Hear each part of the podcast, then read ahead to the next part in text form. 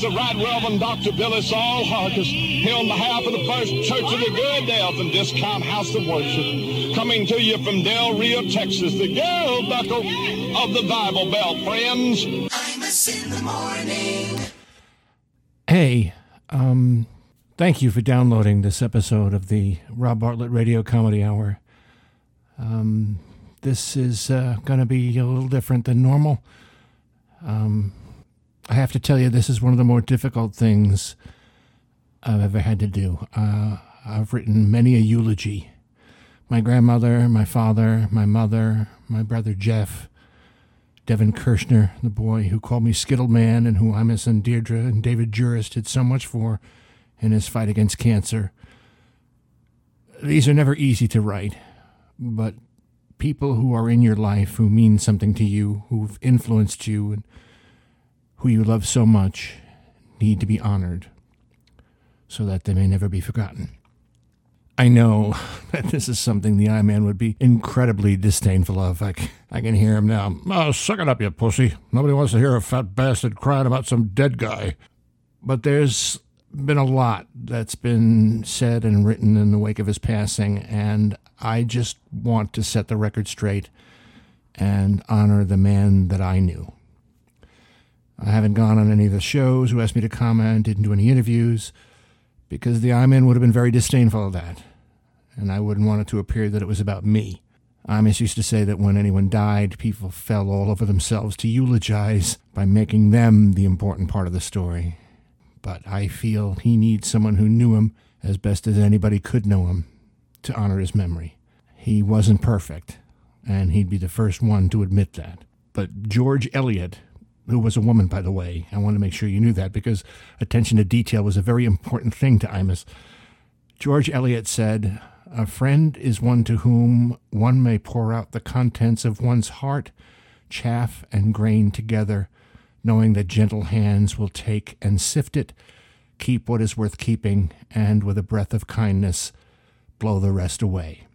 There was a lot of chaff with Imus, but there was much, much more that was worth keeping.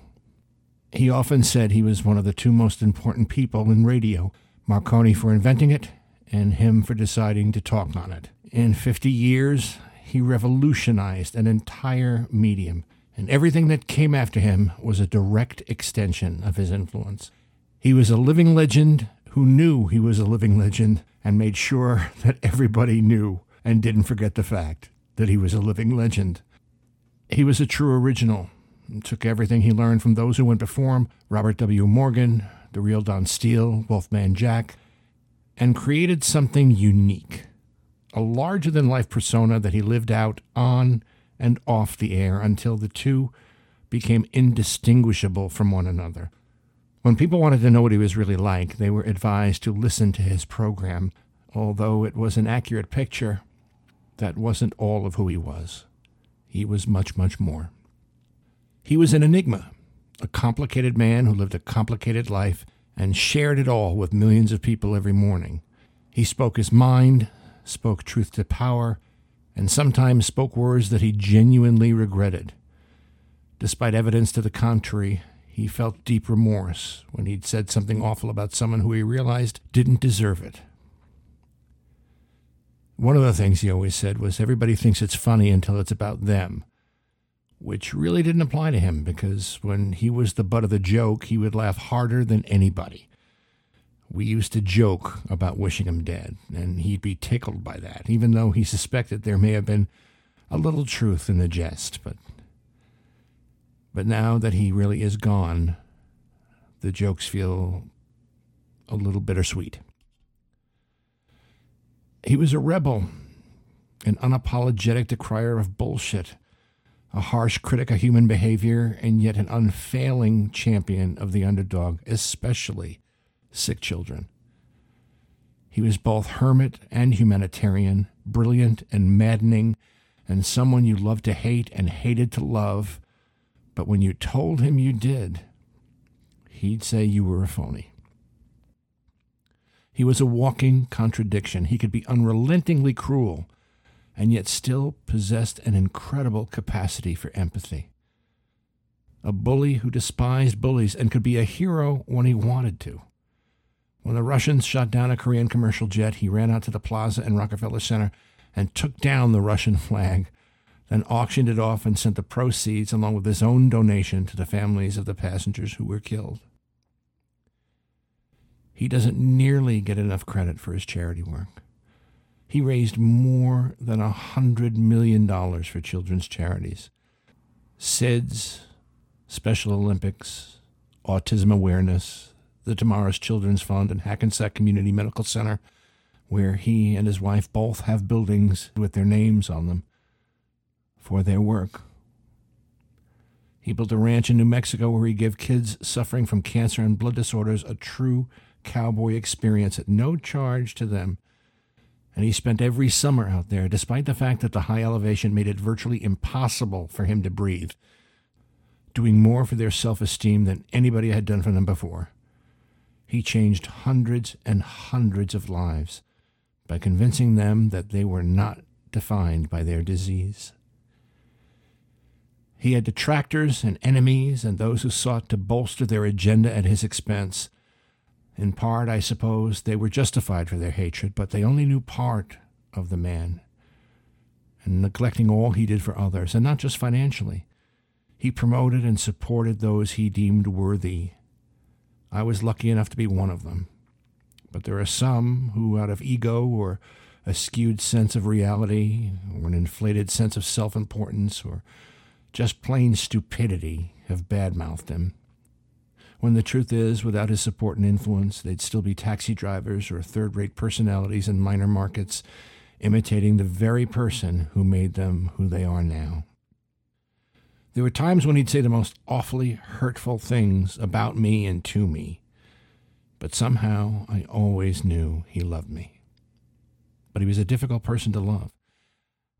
I think in a strange way he felt his emotions betrayed him, his compassion, in his eyes was a sign of weakness, and I believe he wrestled with that all his life, struggling with it, succumbing to addiction because of it, and actually seemed to have a death wish until he finally hit bottom and spent the next 30 some odd years of his life living it courageously one day at a time. He was in his mid 50s when he finally met the love of his life. Even though it raised a few eyebrows as she was many years his junior, they were soulmates, Theirs was a real, true, and unconditional love, and the son they had together was the light of both their lives. She took care of him every day of the 25 years of their marriage, and she's truly responsible for saving his life. She famously helped him beat prostate cancer with holistic medicine. She got him to quit smoking, got him on a vegan diet, and yet, although she certainly extended his lifetime, there was nothing she could do to reverse all the damage he had done to himself in years prior. In the end, he struggled to breathe, requiring supplementary oxygen, but it didn't seem to slow down his cranky, cantankerous demeanor. If anything, it only served to fuel his lifeblood, spitting venom with more enthusiastic vitriol than ever. When he finally left the airwaves, it was an emotional farewell, a moment where he reflected on everything he felt about his life, his career, his audience, with genuine gratitude for it all. He was proud of his accomplishments, as he should have been. And in retirement, he continued to comment on the freak parade that amused and bemused him through tweets or the odd email or phone call. I spoke to him the week before he passed. We were toying around with the idea of doing a podcast together along with his son. We went back and forth with the plans. I laid out what I thought it would take, what sponsors I thought he could get. He asked me how much I'd want and what I told him. He sent me an email. I will call you tomorrow, you greedy motherfucker. it was it was the last thing he ever said to me. We played phone tag for a couple of days after that. The last time when I said that it was me, he was laughing as he hung up. It was the perfect way to say goodbye. It's difficult to believe he's gone, partly because I really thought he was going to outlive us all, and partly because he was so much a part of my life that he leaves behind a void that I don't yet know how to fill. I mean, who's going to call me a phony fat bastard now? The influence he had on me personally and professionally is immeasurable. Every professional success I've ever enjoyed is a direct result of my association with him, and I will forever be grateful to him for that. I hope that wherever he is now, he finally knows that, and that it is and always was true. He was my boss, my nemesis, my mentor, my harshest critic, my champion, my tormentor, and my friend. And now he's finished his last roundup. He's gone back to the barn to tie up his horse and put away his saddle, his hat, and his gun. His work is finally done. And he did a great job. God bless John Donald Imus. Rest easy, cowboy. You've earned it. Some trails are happy ones, others. It's the way you ride that trail that counts. Here's a happy one for you.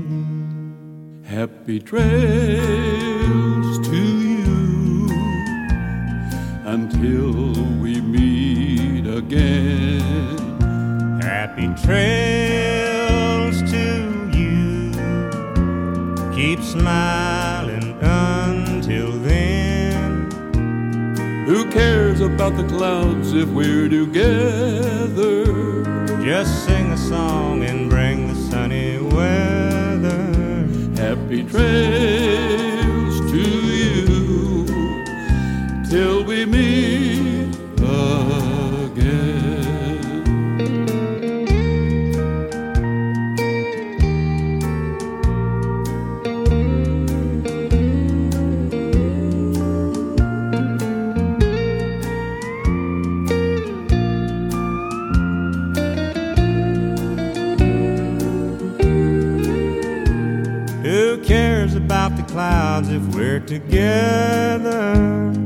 Sing a song and bring the sunny weather.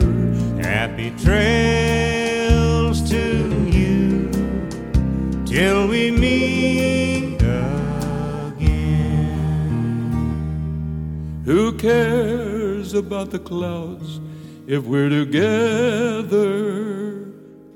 Just sing a song and bring the sunny weather. Happy trails to you. Till we meet